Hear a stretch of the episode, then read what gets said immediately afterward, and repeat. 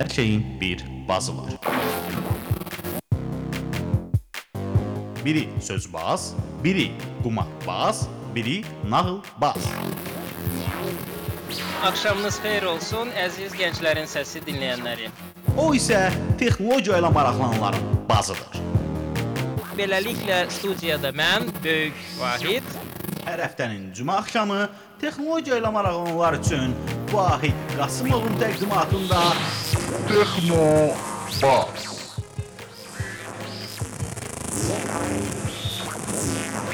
Texnologiya ilə bağlı hər şey. Texnobazda. Salam, hər vaxtınız xeyir olsun. Əziz Gənclərin Səsi radiosunun dinləyənləri. Ə, Fevralın son verilişimizdə hər cümə axşamının axşamı olduğu kimi efirdə canlı olaraq yayımlanan Texnobas yenə sizinlə bir yerdədir. Bizi canlı olaraq dinləyənlərə təşəkkürlərimi bildirirəm və salamlayıram. Bizi canlı olaraq dinləyə bilməyənlər üzülməsin. Onlar bizim bütün verilişlərimizi csr.fm saytının Texnobaz arxivində tapa biləcəklər.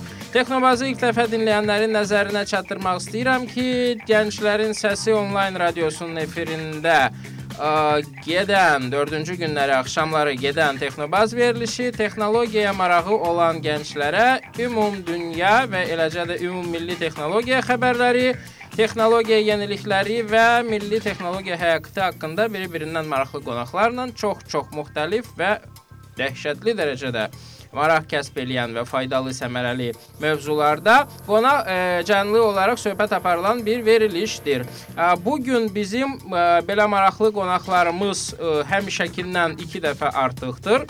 Ə, çox nadir hallarda bizim studiyada 2 dənə qonağımız olur. Bu gün belə nadir hallardan biridir. Qahamda iki insan əyləşib. Əgər anonslarımıza qulaq asmısınızsa və baxmısınızsa, bilirsiniz ki, bu gün biz beynəlxalq kompüter sertifikatlar barədə ə, söhbət aparacağıq və qonaqlarımızın hər ikisi belə bir sertifikata sahibdir. Ona görə çox uzatmaq istəmirəm. Qonaqlarımıza söz verirəm. Hər biri özünü təqdim eləsin və hansı beynəlxalq sertifikata sahib olduğu barədə bir balaca məlumat versin. Fərhad buyur. Hər kəsi salamlayıram bütün dinləyiciləri. Fərhad Kərimov bir şirkətlərinin birində sistem administratoru vəzifəsində çalışıram. Eyni zamanda Microsoft Certified Trainerəm, yəni Microsoftun beynəlxalq müəllim statusun var. Bundan başqa Texnetas portalımız var ki, könüllü dəstək qrupudur. Oranın idarə heyətinin üzvüyəm. Bu qədər, yəni sosial iştiraklarım var, seminarlar, məqalələr yazırıq. Maşallah, maşallah, maşallah. Bundan həmən bir iş təklifi gələcək verilişdən həmən sonra. Hazırlan Etibar müəllim. Sizi onsuz da hamı tanıyır, amma indi bu cəhətdən də tanısınlar. Buyurun. Etibar Seyidzadə Qafqaz Universitetinin kompüter mühəndisliyi bölməsində baş müəllim olaraq çalışırıq. Aha. Yəni 20 ilə yaxındır Qafqaz Universitetində fəaliyyət göstəririk. Və ə, əsasən proqramlaşdırma, informatika sahə fənlərinin tədrisi ilə məşğuluq. O cümlədən beynəlxalq olimpiadalara tələbələrin hazırlanması Mhm.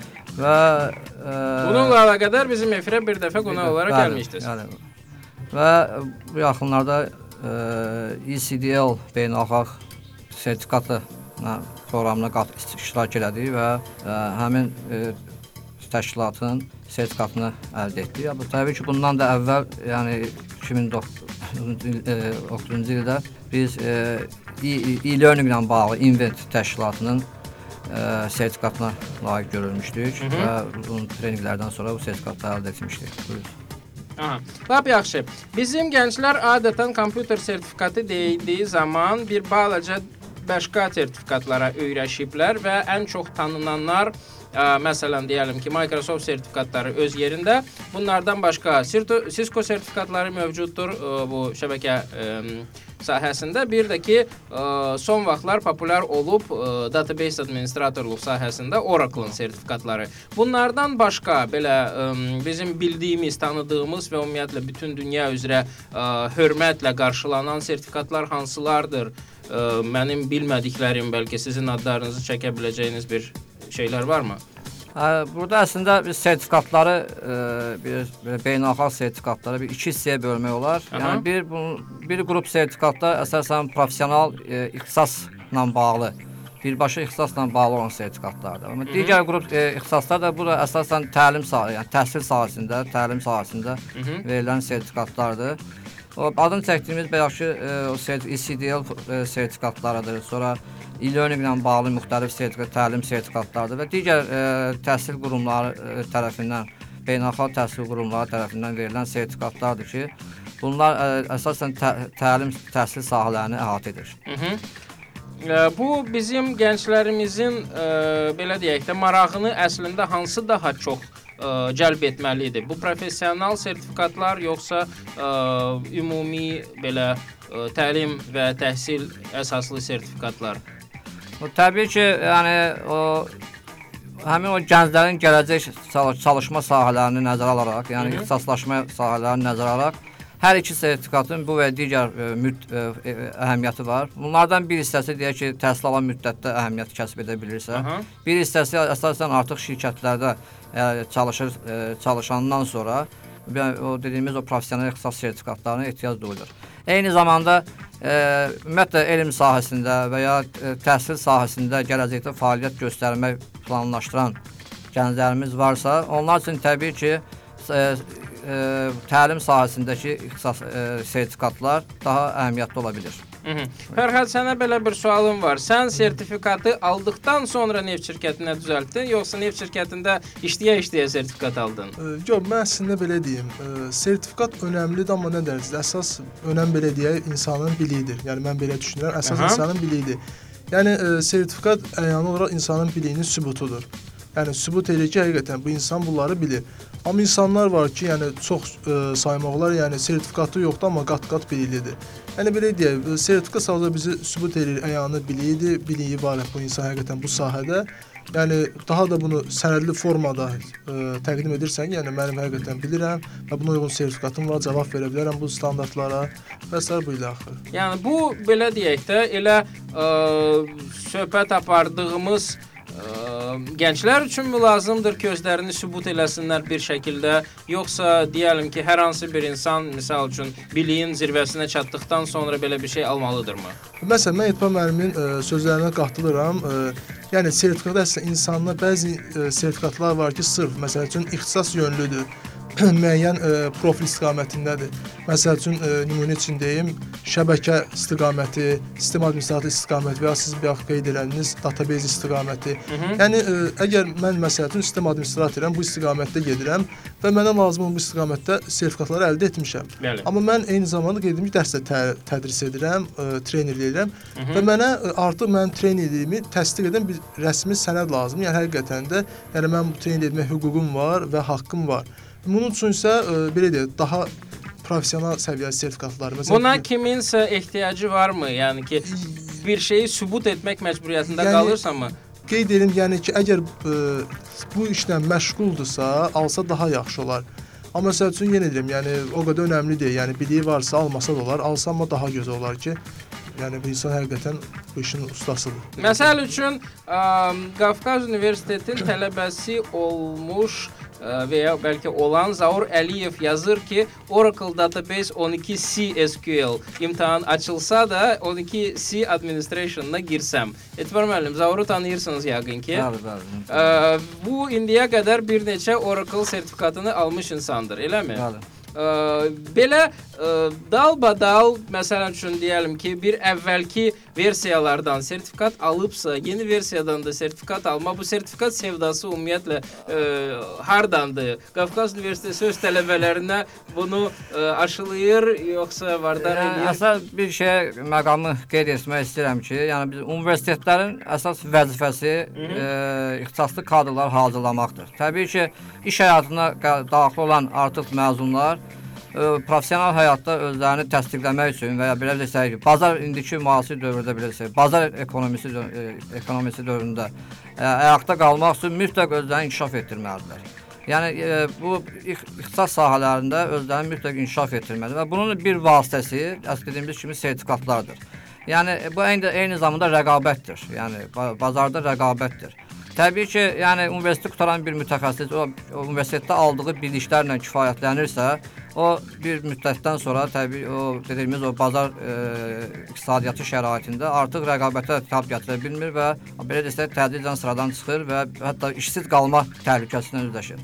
Amma sertifikatları e, ardıcıl olaraq alınması da özü müsbət hallardan biri. Artıq ö, həmin şəxs özündə belə desək inkişaf olduğunu hiss edir və gələcəyə ümidlə baxır və bu sadəcə sertifikat sevdası yox ya qeyd elədiyi kimi və ixtisasını artırmaqdır. Xüsusən də bu İKT sahəsində bu mütləq vacib şərtlərdən biridir. Çünki hər gün dəyişir, hər gün inkişaf gedir. Ə, bəs yaxşı, b- mənə bu sualın bayaqki sualın bir balaca cavabsız qalıb.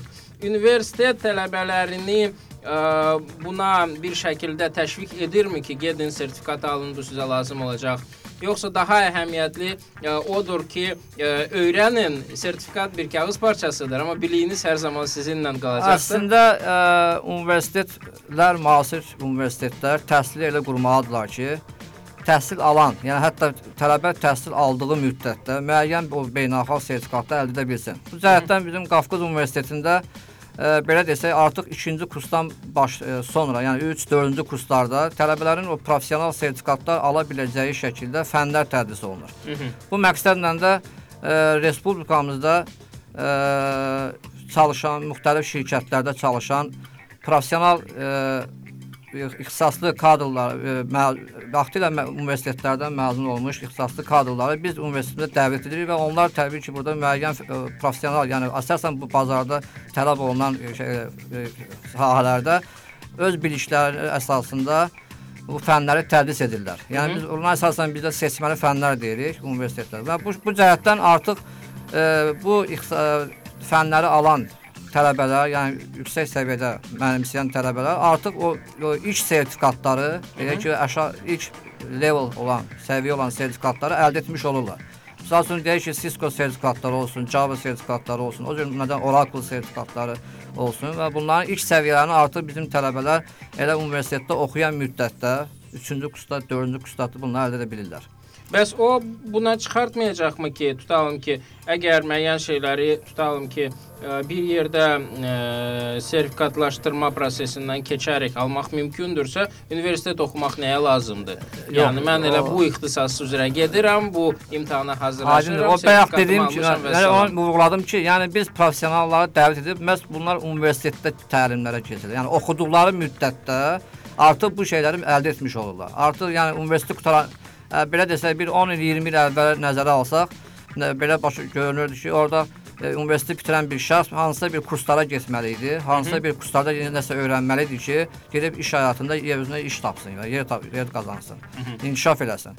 Amma artıq biz bu dediyimiz kimi biz iş həyatını Yəni gələcək o professional bir həyatı universitet daşıyırıq. Yəni ona görə də biz o mütəxəssisləri dəvət edirik. Və qeyd edə bilərəm ki, yəni bu mütəxəssislərin içərisində bizim Qafqaz Universitetinin öz məzunları var. Məsəl üçün Kamran Ağayev, ondan sonra Ramin Oruzov kimi artıq Azərbaycanda özlərini təsdiqləmiş, hətta artıq dünya səviyyəsində e, yəni olan o, o bir çox o çox səviyyəli sertifikatlar əldə etmiş şəxslərdir ki, amma bunlar artıq bizim ö, məzun olduqdan da sonra baxmayaraq ki, iş, müəyyən sahədə çalışırlar, onlar həm də təlimlərlə də məşğuldurlar. O cümlədən bizim Qafqaz Universitetində müəyyən fənləri öz ixtisasları ilə bağlı, professional ixtisaslarla bağlı təlim edilir. Verirlər. Lap yaxşı. Fərhad, e, imtahana hazırlaşmaq prosesi necə keçirdi? Ümumiyyətlə belə bir ideya hardan gəlib ağlıva ki, Microsoft sertifikat trainer olasın, certified trainer. Ümumiyyətlə belə deyim. Yəni bunsuz yaşamaq mümkün deyildi, yoxsa bir Yo, əslində belə deyim, mən ümumiyyətlə 17 yaşımdan başlamışam bu işlərə. Yəni məşğul olurdum, həm belə deyim, bilimi artırıb, amma başa düşdüm yəni trener olmaq işinə, yoxsa Yox, sertifikat alma ümumiyyətlə, işinə? yəni IT sahəsinə. Aha. Amma artıq ə, belə deyir, trenerliklə sertifikat almışdan əvvəl də məşğul idim. Yəni MC nəzərdə tutursunuz. Məşğul idim trenerliklə. Amma düşündüm ki, yəni bunu da alsam daha gözəl olar da. Həm rəsmi olar məndə. E, Yəni belə deyə həm ə, daha bir statusum olar, rəsmi şəkildə icazəm olar Başqa ki, kimdəsə var Azərbaycanda belə Bəli, bir bəli. Sertifikat? səhv eləmirəmsə 12-13 nəfərdə var. Mənim tanıdıqlarımdan Elgüz Yusif bəyli. Mhm. Yəni bizim ə, qeyd etdiyim kimi Texnidas portalımızda ə, pulsuz məqalələr paylaşılır, forum var orada. Yəni insanlar şərt o deyil ki, harasa kursa yəni daxil olub oradan da müəyyən məqalələri, video dərslikləri götürə bilərlər, forum üzərindən suallar verə bilərlər. Və sonra da ə, bizim çox savadlı Elgüz müəllim Yusuf bəyli ordadır, yəni Elxan Əliyev var. Yəni çox savadlı bizim mütəxəssislər var ki, orada yəni hər an belə deyək, insanlar suallarını yazır, 24 saat keçmədən cavablandıra bilirlər. Yəni əsas məsələ belə deyək, mənim fikrimcə insanın öz üzərində işləməyidir və təcrübəsini artırdıqca insan həvəslənir. Yəni bu təcrübəmi bir də ə, sənəd şəklində alım. Amma bəzi insanlar var ki, yəni əsas təcrübə deyil də sırf görünüş olsun deyə sertifikata qaçırlar. Yəni belə insanlar da tanıyıram, görmüşəm, yəni sertifikatları var, amma bir talon məsəl üçün ə, müəyyən aktiv direktorial sertifikatı var, amma o barədə sual verirsən, cavab verənmir. Yəni insan özü şəxsən utanır ki, yəni həm bu digər sertifikat alanların adın məsələn aşağı eləyər. Məsələn müəllim qeyd etdi məsəl üçün bizim çox gözəl insanlar var ki, sertifikatlı mütəxəssislərdir, plus ə, savadlıdırlar, yəni tanınmış adamlardır. Yəni ə, insanlar var gedir alırlar başqa müxtəlif yollarla həmin insanların adını da aşağı eləyirlər. Məsəl üçün ə, yəni nə bilim mən daha da yəni həm insan təcrübə yığmalıdır, öyrənməlidir və sonra qaçıb sertifikat almalıdır. Mən belə düşünürəm. Bu ümumiyyətlə necə mümkündür belə bir hal ki, adamın sertifikatı var, amma ona uyğun biliyi yoxdur? Yəni bu hallar mümkündür. Məsəl üçün necə olur? Məsələn, imtahana hazırlaşanda bəzi olur, bəxtimiz gətirir, köçürürük kimdənsə universitetə daxil olur, universitetə daxil olur. Yəni Ya bu bir bəxt məsələsidirmi? Yox, Test olub açıqla- orada nəsə atdın, açıqlamaq tutdu. istəmirəm, amma ki, yəni digər insanlar, yəni aid olan insanlar da bilirlər bunu. Yəni müxtəlif yollar var ki, yəni belə deyək, qeyri-rəsmi yollarını əldə eləyirlər. Yəni mənim fikrimcə o düzgün deyil. Yəni insan gərək birinci aldığı belə sertifikat haqqını verməlidir ki, həqiqətən yəni mən bu sertifikatı bilirəm, yəni alnı açıqlaya bilər ki, yəni mən bu sertifikatın cavabını verə bilirəm. Bəs onun ə, necə deyərlər, nəticəsi necə ola bilər? Tutalım ki, mən getdim, ə, bayaq necə mən Nə- şəxsən başa düşə bilmirəm o nətər olur. Qeyri-rəsmi yolla sertifikatı əldə etdim. Ondan sonra tutalım ki, həmin sertifikatla getdim, düzəldim işə. Yox, işə düzələn Yəni axı ikinci, üçüncü günümdə Xeyr. artıq bunun üstü açılacaq. Sözdə qüvvə. Siz işə düzələnməyəsənsə, bizim bir yoldaşın başına gələn bir hadisəni danışım. Yoldaş dedi ki, mənə bir mütəxəssis lazım idi. Bir neçə adamla görüşdüm. Birini gördüm, sertifikatları falan var. Dedim, yəni həqiqətən bu insan yəqin biliyinə cavab verir. Deyir, görüşə dəvət etdim. Bu gəldi. Deyir, insan qoyub sertifikatlarını düzüb qarşıma sevərək deyim. Buna sual verirəm, cavab vermir. Sual verirəm, cavab vermir. Sual verirəm, cavab. Axırı dedim ki, Hörmətli yoldaş, sən bu sertifikatları götür, cır, Novruz bayramında yandırarsan. Yəni get ondan sonra kitabı qoy qabağa oxu, təcrübə elə. Yəni yalandan sırf get ata. Bəlkə bacarır, amma danışa bilmir. Yox, elə şey olur. Özünü ifadə edə bilmir, Yəni ən azından insan belə deyək, loru dildə də olsa belə müəyyən bir şey bilirsə, ən azından şəkil çəkərəkmi deyə, loru dildə də olsa birləşdirib nəyisə deyə bilər ki, məsələn filan şey filandır. Yəni əgər insan həqiqətən ümumiyyətlə insan anlayışı yoxdur. Məsəl üçün insanlar var ki, sürücülük vəsiqəsi var, amma maşın sürə bilmirlər. Aa, Bəli. imtahası söhbət beynəlxalq sertifikatlardan gedir. Bəs- Yəni ki, bu xaricilər bəyəm ə, eyni şeyləri onlara imkan verirlərmi belə hallara? Yəni əslində xaricilərdə də var məsələn belə bu cür hallar. Dediyim kimi, yəni bu illeqal yoldan alınmalar bütün dünyada yəni mümkündür. Yəni dünya üzərində belə deyək, yayılmış şeylərdir. Yaxşı yəni- biznesdir. Ə, götürürlər, istifadə edirlər daxil, amma dediyim kimi, yəni o düzgün yol deyil, üçün düzgün seçim deyil. Mhm. Ümumiyyətlə Etibar müəllim, ə, sertifikatın ə, mövcudluğu, belə deyək də, ə, belə bir şirkətin insanı işə aldığı vaxtı, ə, vaxtın ekonomiya eləməyindən başqa hər hansı bir işə yarayırmı? Yəni Yəni sadəcə tutalım ki, belə deyək də, sertifikatlı insanla bilikli amma sertifikatsız insan arasındakı fərq nədən ibarətdir?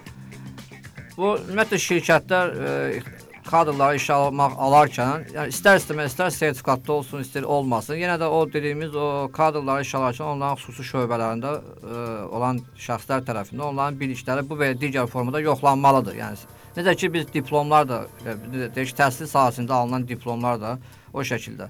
Yəni kimsə diplom alırsa, yetişirsə, hansı universitetdən məzun olursa, o demək deyil ki, sabah bu getdi, o diplomla özünü təsdiqləyəcək. Ona görə də yəni sertifikatın olub olmaması işə alınmasında yəni o dediyimiz o prosedurların ləğvini, yəni sürətləndirməsində o qədər də elə, yəni belə desək böyük təsir göstərmir, göstərməyə bilər. O artıq şirkətlərdən asılıdır. Amma təbii ki, yəni o ə, sertifikatların olması işə qəbul olacaq, yəni özünə iş axtaran və ya özünü ə, işlə təmin etmək istəyənlər üçün bir əhəmiyyətlidir. Və bu sadəcə belə desək, şirkətlər üçün də əsasən ki, birinci səviyyə, ikinci səviyyə sertifikatlar yox, artıq yüksək səviyyəli sertifikatlara yəni üstünlük vermək. O da o, o baxımdan artıq dediyimiz kimi o e, dediyimiz o prosesi sürətləndirmədə ola bilər. Məsələn, deyək ki, Oracle olsun və ya digər sertifikatlar olsun, Microsoft-un olsun. Sadəcə, sadəcə birinci səviyyəni hər kəs ala bilər. İkinci səviyyəni hər kəs ala bilər. Amma daha üst səviyyə olan sertifikatlar var ki, onların levelləri. Təbii ki, onları hər kəs alma e, iqtidarında deyil. Ona görə də bu baxımdan o dediyimiz kimi, yəni işin iş prosesini, yəni işə qəbul prosesini sürətləndirmədə məhz o yuxarı səviyyəli sertifikatlar mühüm rol oynaya bilər. Aşağı səviyyələr isə təbii ki, hər kəs alma imkanı var. Ala bilər. Yaxşı. Fərhad belə bir şey e, deyə mənə zəhmət olmasa çox xahiş eləyirəm. E, elə bir e, müəssisələr varmı ki, işə alınma prosesində yazırlar ki, e, tutalım ki, sertifikatı olanlara üstünlük verilir. Bəli, Yəni hansılara ki, insanların biliyindən əlavə olaraq bir də ki, divara asa biləcəkləri belə qəşəng çərçivənin içərisindəki sertifikatı Əslində, əhəmiyyət kəsb edir. E, belə deyim, yəni bəzi şirkətlər var ki, onlar üçün s- mütəxəssislərin sertifikatlı olmağı e, üstünlükdür. Nəyə görə? Belə deyim, bəzi sertifikatlar var ki, məsələn Cisco-nun olsun, Microsoft-un, Oracle-un olsun, yəni e, bəzi ən çox da outsource göstərən şirkətlərdir. Onlarda ya, bu cür sertifikatlı mütəxəssislər varsa, onlara belə vendorlar tərəfindən müəyyən endirimlər olunur. Aha. Yəni ona görə bunlar buna üstün, savadla yanaşı sertifikat üstünlüyü verirlər. Məsəl üçün ola bilər e, savadlı insan gəlsin, amma sertifikatı olmasın və daha bir savadlı insan gəlsin, sertifikatı olsun. Onlar həmin savadlı sertifikatlı insana üstünlük verəcəklər. Dediyim məsələyə görə sırf onların da orada marağı var. Həm e, savadlı insan götürürlər, e, sertifikatlı insan götürürlər. Üstəgəl bunların da e, digər vendorlardan müəyyən e, güzəştlər götürəcəklər. Hı -hı. E, hətta belə deyə bəzi statuslar var ki, onlar həmin e, vendorlarına belə deyə gold e, gold partnership səviyyəsinə qədər gətirib çıxarda bilir. Yəni bir şirkət daxilində müəyyən tutalım böyük statuslar var ki, müəllim qeyd edən professional statuslar var ki, ona qədər üstünlük verirlər. Amma e, qeyd etdiyimiz kimi, amma bəzi şirkətlər var ki, həqiqətən yazırlar ki, sertifikatlı olsun, amma biliyinə də fikir vermir, ad olsun deyə, amma dediyim kimi əsas, amma özünə hörmət Maraqlı eləyən- bir mövzuya başlanğıc elədin. Həmin mövzunu biz ə, qısa bir ə, fasilədən sonra davam eləyərik. Hal-hazırda isə qəşəng musiqiyə qulaq asaq və bir balaca dincələk. Of and brave when you are free. Shake off all of your sins and give them to me.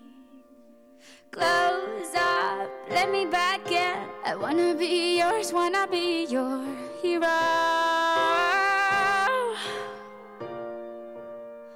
And my heart beats like the empires of the world unite. We are alive, and the stars make love to the universe. You're my wildfire every single night. We are alive, and the stars make love to the universe, and you touch me. And I'm like, and I'm like, and I'm like,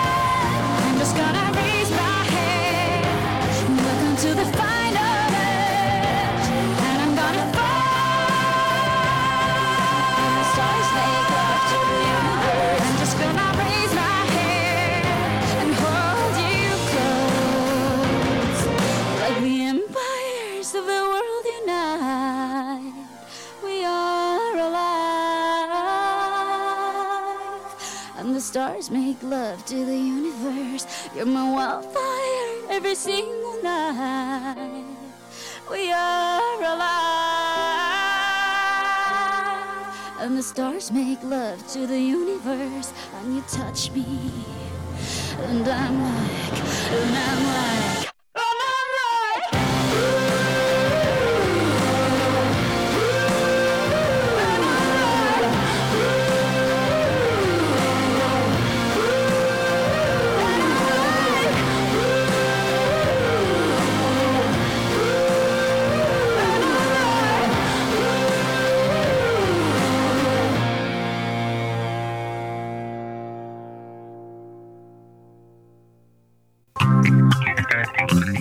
Və bugünkü söhbətimizə davam edirik. Yadınıza salım ki, bugünkü mövzumuz beynəlxalq kompüter sertifikatlarıdır və studiyamızda iki qonaq var. Etibar müəllim və Fərhad bəy. İkisi də beynəlxalq kompüter sertifikatına sahib insanlardır. Bəyə Fərhad bəy maraqlı bir ə, deməli mövzunu açmışdı. Həmin mövzunu bir balaca genişləndirmək ə, istəyirəm. Belə ki, ə, Kompüter sertifikatları bəzi şirkətlər tərəfindən ə, tələb oluna bilər. Daha doğrusu üstünlük verilə bilər sertifikatları ə, sertifikatlı işçiyə, çünki onlar müəyyən qapılar açır. Məsəl üçün, ə, məsələn, tenderdə iştirak elədiyin zaman, əgər sənin işçilərin arasında sertifikatlı insan varsa, ə, onu daha ciddi qəbul edirlər. Bunun kimi bir şeylər. Düzdürmü? Bəli, bəli. Hə, indi bəzi şirkətlər var, məsəl üçün bir kompüter dükanı var, adını çəkmək istəmirəm. Ora girdiyin zaman görürsən ki, divarında çoxlu sayda işçilərin aldığı e, kompüter sertifikatları e, yer alır. E, belə bir sualdır, bu məni hər zaman maraqlandırırdı. Məsəl üçün mən filan yerdə işləyirəm, sertifikatım var. Mənim sertifikatımı götürüb divara asıblar. Mən sabahları həmin iş yerindən ayrılsam, başqa yerə getsəm, mənim sertifikatımı verəcəklər, yoxsa deyəcəklər ki, yox, sən onu hesab e, şirkətin hesabını almısan, onun üçün şirkətdə qalmalıdır. Bu e, necə olur belə bir məsələ? Ya əslində o sertifikat belə deyə, ə, yəni sertifikat belə deyə, məsələn Microsoft ya Cisco-dan götürək, müəyyən ə, account açılır və yaxud Oracle-da müəyyən account açılır, ə, profil açılır insana, imtahan verən şəxsə və həmin sertifikat həmin şəxsin adına yüklənir həmin profilin onun. Yəni müəssisəyə bağlı bağlılığı yoxdur. Bəli, xeyr yox, amma bəzi növlər var ki, ə, məsələn onun aylıq ödənişi müəssisədən asılı ola bilər, e, illik ödənişimi deyək məsələn. O da bütün sertifikatlara aid, deyil. Çox az bucur sertifikatlar var ki, müəssisə tərəfindən illik ödəniş edilir. Yəni o cüzi miqdarda da insan belə deyək, həmin 40 manat, 50 manatın üzərindən keçib onu özü edə bilər həmin ödənişi, ödənişi və həmin sertifikatı öz adına götürə bilər. Mhm. Heç kimdən yəni o sertifikat demək sən əziyyət çəkmisən, sən almısan.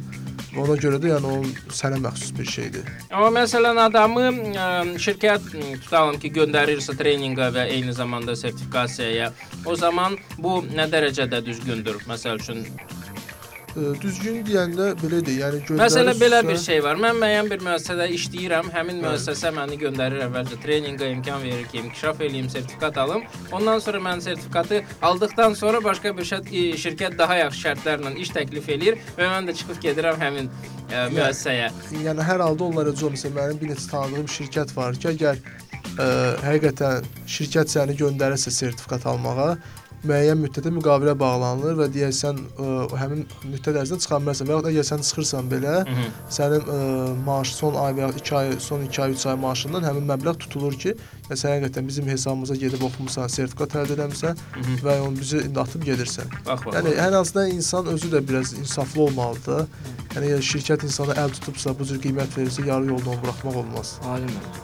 Yəni əslində ə, bu dediyimiz kimi, söylədiyimiz kimi bu e, insanı bir keyfiyyətlərə bağlıdır. Yəni yəni hər bir insan o belə desək, ona hər hansı bir formada, bu və ya digər formada ə, onun deyək ki, inkişafında təsir göstərmiş bir müəssisədə onun deyək haqqını verməsi lazımdır. Mhm. Dolayısıyla yəni ə, sadəcə ə, yüksək maaşa və s. arxa ə, uyub deyək ki, hansısa bir yerə getmək, ə, qaçmaq, yəni şirkətin işini yarımçıq qoyub getmək bu, bu etik normalara demək olar ki, sığmır.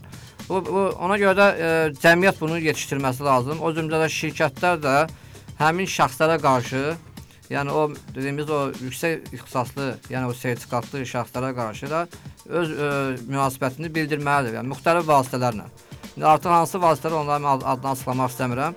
Ən azından yəni onların dediyi ki, o tələblərini, həmin şəxslərin o şirkətlərdə çalışan tələblərini cavab verməsi lazımdır şirkətlər, təmin etməsi lazımdır. Şey dediyimiz kimi bu demək olar hər sahədə var. Yəni idman sahəsində də var, digər sahələrdə də var. Yəni bu, bunun üçün də nə lazımdır? O şəxslərin tələbləri ödənməlidir tə və bu demək əvvəlcədən təyin olunmuş müqavilələr əsasında və ya şərtlər əsasında bu şəkildə tələblər yerinə yetirilməlidir. Aha. Qarşılıqlı Bu şəkildə belə. universitetdə ə, bayaqki məsələ, ə, universitetdə elmi dərəcəsi olan müəllimlə şirkətdə sertifikatlı ə, işçi eyni ə, belə bir bənzərlik etmək mümkündürmü? Yəni universitet istəyir ki, onun kadrında daha çox tutalım ki, elmi dərəcəsi olan müəllimlər olsun və ya şirkət istəyir ki, onun işçilərindən işçilərinin daha çox sertifikatı olsun. Yəni bu bənzətmə nə dərəcədə ə, mümkündür, düzgündür? Elm e, universitet təhsil sahəsində təbii ki, o müxtəlif e, elmi dərəcələrin olması vacibdir. Çünki bunu sadəcə universitet istəyinə görə deyil, bu təhsil qurumlarının, yəni universitetlərin bağlı olduqları təhsil qurumlarının da tələblərindən biridir. Yəni, bu- yəni təbii ki, bu e, eyni zamanda həmin şəxslər, universitetdə fəaliyyət göstərən şəxslərin, yəni verən təlimçilərin, müəllimlərin hə eyni zamanda inkişaf e, belə desək kriteriyalarından biri sayılır. Yəni o, o elmi dərəcələr və s. Amma təbii ki, bununla bərabər professionallıq da əhəmiyyət kəsb Təcrübə və professionallıq. Bu əsas birinci növbədə budur təbii ki. Qalan o dediyimiz şeylər artıq o Aksesuardır. vacibdir və o olub olmamasından asılı olmayaraq, yəni olması yaxşıdır, olmaması da və pisdir. Yəni belə. Hə, e, bu dəfə e, də hər zaman olduğu kimi e, musiqi arasında öz aramızda söhbət elədiyimiz vaxtı maraqlı bir məqam e, ortaya çıxıb. E, Fərhad bəy söyləyib ki, e, sertifikatların alınma yerindən asılı olaraq e, müəyyən bir e, ağırlıq çəkisi var. Məsəl üçün deyəlim ki, Amerikada alınmış sertifikatlar Azərbaycanda alınmış sertifikatlardan daha daha samballıdır. Yəni ki, bu standartlar e, ölkələrə görəmi dəyişir, yoxsa ümumiyyətlə e, Ə, əslində o cür o cür də deməyək tam. Ə, yəni bəzi sertifikatlar var ki, məsələn onları siz Azərbaycanda verə bilərsiniz. aha. Cisco-nun olsun, Microsoft-un olsun, Oracle-un olsun. Yəni ə, digər sertifikatlar məsələn belə biraz ə, daha ə, geniş izahat verim. Qısa da olsa, məsələn bəzi digər sertifikatlar necədir? Məsələn MCC olsun, MCTS olsun, MCITP olsun. Bunları gedirsən, ə, daxil olsun müəyyən imtahan mərkəzləri var ki, daxil olsun sonra qeydiyyatdan keçir 75-80 manat ödəyirsən və orada imtahanda daxil olursan, alırsan sertifikatı. Və bunu almaq üçün dediyim kimi bəzi illegal yollar var, o yollarla da almaq olur. Amma Qeyd etdim ki, bəzi sertifikatlar var ki, Microsoft-da, Oracle və yaxud Cisco-da, eyni digər vendorlarda, yəni bunların ə, ən yuxarı səviyyə sertifikatları Bakıda yoxdur. Yəni Azərbaycanda yerləşmir bunlar mərkəzləri. Mhm. Bunlar üçün müt, ə, mütləq və yaxud ə, Rusiya, Türkiyə, Dubay bu kimi ölkələrə gedib orada imtahan vermək lazımdır. Orada Bunun səbəbi nədir görəsən? Burada e, kifayət qədər mütəxəssismi yoxdur, yoxsa bizə etibar eləmirlər? Yəni onu əslində mən məsəl üçün ə, özüm MCT imtahanı verəndə çox çalışdım ki, Azərbaycanda olsa verərdim, burada rahat olardı. Mhm. Yəni belə deyək, alınmadı. Yəni dedilər mütləq yəni başqa bir ə, digər ölkəyə getmək lazımdır, orada imtahan vermək lazımdır. Həm orada belə deyək, imtahan şəraiti də müxtəlif olur. Yəni ə, imtahan belə deyək, müəyyən suallar kompüterdə gəlmir. Yəni üzbəüz oturursan, ə, mütəxəssislər sual verir, cavablandırırsan və müəyyən belə tapşırıqlar qoyulur, onlara cavab verirsən. Eyni ilə də ə, digər Cisco və yaxud ə, Oracle-da da eyni imtahanlar var. Məsəl üçün ə, səhv eləmirəmsə, Oracle-da imtahan var ki, 12 saat laboratoriya ilə verirsən imtahanı. Mhm. Yəni bu ona görə olar məsələn Azərbaycanda ona nəzarət etmək üçün və yaxud digər ə, şeylər üçün müəyyən idarələr bu işlə məşğul olan insanlar olmalıdır. Bu imtahanlar ən azından Azərbaycanda keçirilənlər, onlar e, necə keçirilir? Onlayn olur, yoxsa Onlar belə deyim, məsələn dedim ki, müəyyən mərkəzlər var, ə, ödəniş hesabı 75-80 manat deyəlim. Ə, əvvəldən 1 həftə qabaq, 5 gün əvvəl müəyyən insan adını qeyd edilir və həmin insan adına müəyyən suallar paketi gəlir. Müəyyən olmuş gündə daxil olursan həmin mərkəzə, məsələn deyək 5 gün sonra saat 11-də daxil olsan mərkəzə və həmin ə, müəyyən vaxtda həmin açıqda həmin suallar gəlir. Müəyyən vaxt verilir. Necə universitetdə imtahan verilir 2 saat, 2 saat yarım. Həmin vaxt ərzində suallara cavab yazırsansa, minimum məsəl üçün Microsoft-da 700 baldır, maksimum 1000 baldır. Yəni minimum balı yığsan, keçirsən imtahanı, həmin anda nəticəni bilirsən. Etibar müəllim, bir e, dinləyicimizdən sual gəlir ki, gələcəkdə tutalım ki, magistratura imtahanlarının birinci mərhələsində beynəlxalq dərəcəli sertifikatı olan ə, insan üçün həmin imtahandan azad olma perspektivləri varmı? Ə, əslində ə, biz ə, ə, TDK-da eyni zamanda ekspert olaraq fəaliyyət göstəririk. Dövlət Quluna Qəbul Komissiyasında informatika üzrə ekspertik.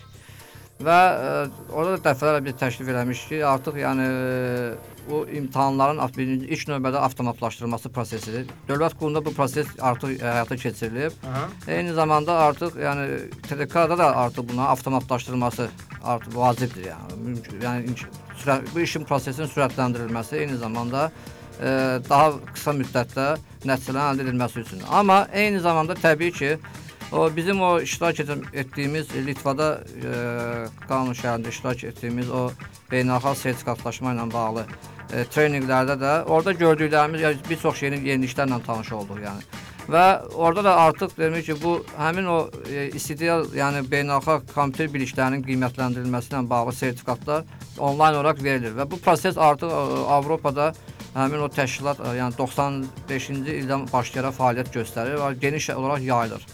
Və təbii ki, e, Azərbaycanda da hazırda yəni həm e, magistratura pilləsində o cümlədən doktoranturaya e, e, minimum imtahanlar dediyimiz informatikadan olan imtahanlar artıq bunların da dediyimiz bu səviyyəyə gəlib çatması lazımdır.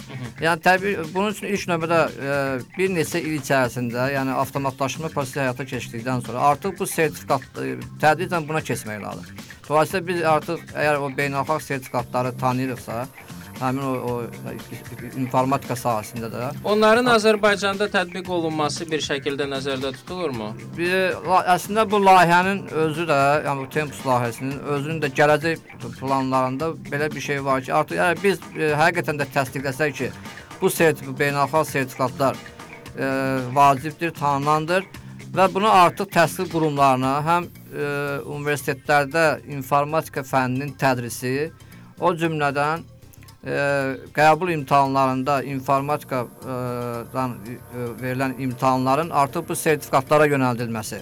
Yəni bir şəxsin deyək ki, sertifikatı varsa, necə ki, e, deyək ki, TOEFL kimi və s. kimi e, olan sertifikatlar xaricdə artıq universitetə ingilis dilindən bilik kimi qəbul olunursa, artıq dediyimiz bu sertifikatlar da mütləq qəbul olunmalıdır.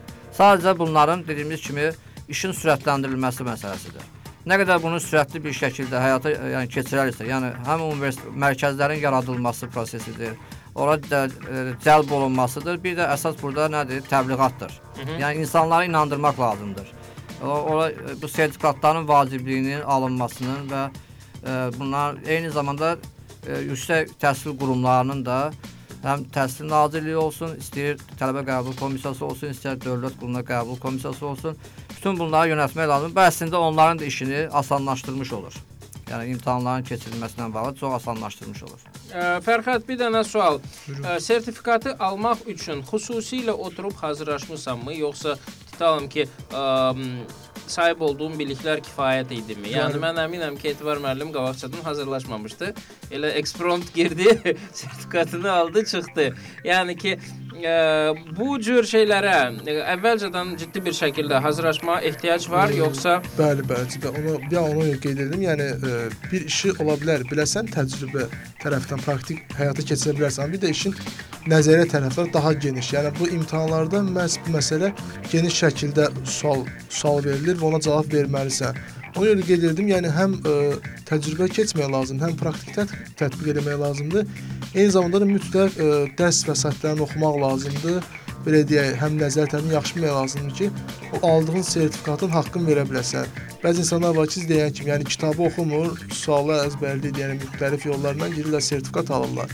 Yəni əslində Bəs ə, bu məhz sertifikatların alınması üçün insanları hazırlaşdıran kurslar və s. mümkün ə, mövcuddurmu? Ən azından Azərbaycanda. bəli, bəli, o cür ə, kurslar var, mövcuddur.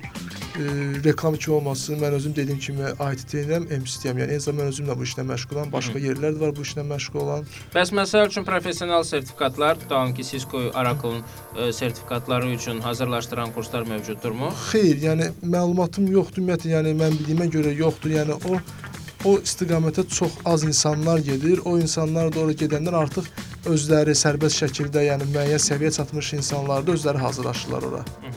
Aydındır. Etibar müəllim, İSDL-la əlaqədar vəziyyət necədir? Yəni ki, bu sertifikatların alınması üçün ə, insanlara müəyyən treninqlər keçəcək, seminarlar keçəcək, mərkəzlərin açılması nəzərdə tutulurmu? Və layihə çərçivəsində bu İSTL ə, treninqlərində iştirak edən universitetlərin nəzdində artıq ə, bazalar qurulmağa başlanmış. Yəni treninq mərkəzləri qurulmağa başlanmışdır hı. və artıq ə, qısa müddətdə ə, hazır ə, lokalizasiya işləri ged- gedib gedib başlayır. Yəni bu əsasən ə, te testlərin lokalizasiyasıdır, həm də o test onlayn test ə, interfeysinin lokalizasiyasıdır. Bütün bu proseslər artıq ə, sürət ə, həyata keçməyə başlayır. Və təbii ki, bu universitetlər nəzdində yaradılan te treninq mərkəzlərində artıq ə, ilk olaraq tələbələrin ilk olaraq tələbələrin iştirakı planlaşdırılır və bunlar təbii ki, ə, ilk olaraq pulsuz nəzərdə tutulur. Ondan sonra artıq bu prosesi yəni bazara, yəni digər şəxslərin, yəni istəyən şəxslərin treninqlərdə iştirak edib həmin sertifikatları qazanması üçün eyni zamanda imtahanlara birbaşa burada, yəni mərkəzlərdə daxil olmasına şəraitlər yaradılması planlaşdırılır və bu da yəni, hardasa layihə 2 il ərzində bu prosesləri ge- gerçəkləşdirmək nəzərdə tutulur. Aha, deməli yaxın gələcəkdə ə, ən azından ə, professional sertifikatları ə, alanmayan ə, gənclərimiz ən azından ümumi sertifikatları ə, ə, əldə edə biləcəklər və ümid var ki, onların müəyyən dərəcədə ə, deməli təsiri olacaq ə, hər hansı bir ə, qurumda işə düzəlməkdə Bəli, və ya ən azından öz biliyini Mən öz təcrübəmi deyim ki, bizə Qafqaz universitetləridir. Biz hələ ə, 90 95-ci illərdə ə, 95-ci, 96-da kurslarla başlamışdıq. İş Office Windows kurslarını verirdik. 97-ci ildə isə biz ə, bütün ə, fakültələrdə, bütün bölmələrdə informatika proqramını tamamilə biz yönəltdik ə, bu praktik olaraq Windows Office bölümü və edim ki, və həmin illərdə, məhz həmin illərdə İKT-nin hələ inkişaf etmədiyi bir dövrdə ə, kadrlara böyük ehtiyac olduğu halda şirkətlərdə bizim tələbələrimiz, yəni məzunlarımız həm e, informatikadan əldə etdikləri o, o praktik biliklər əsasında, o cümlədən di- dil, yəni ingilis əsasında iş yerlərində çox asanlıqla iş tapa bilirdilər. Və bunun çox müsbət təsiri olmuşdur. Və bu proses indi də davam edir. İndi də davam edir və tə, yəni dediyimiz kimi bu bax e, bu, yəni baxmayaraq ki, ümumi respublikada proseslər, yəni bu sahədə zəif olsa da digər ölkələrlə müqayisədə, amma dediyimiz kimi bu proseslər əvvəllər də, yəni 90-cı illərdən başlayıb Qafqaz Universitetində. Və bunun müsbət nəticələri də öz effektini verir ki, bizim məzunların, yəni hətta o dövrdə belə iş tapmalarında heç bir problemlər olmamışdır. Yəni. Okey, mən ancaq və ancaq arzulaya bilərəm ki, bizim cavanlarımız sertifikatların dalınca qaçmasa belə, onların alınması üçün ə, öz səviyyələrini ə, İKT sahəsində ə, genişlətdirsinlər, öz biliklərini, öz səviyyələrini arttırsınlar və ə, sertifikatların alınması üçün müəyyən uğurlar ə, əldə etsinlər. Qonaqlarımıza təşəkkür edirəm gəldiyinizə görə. Çox sağ olun. Görüşmək ümidi ilə.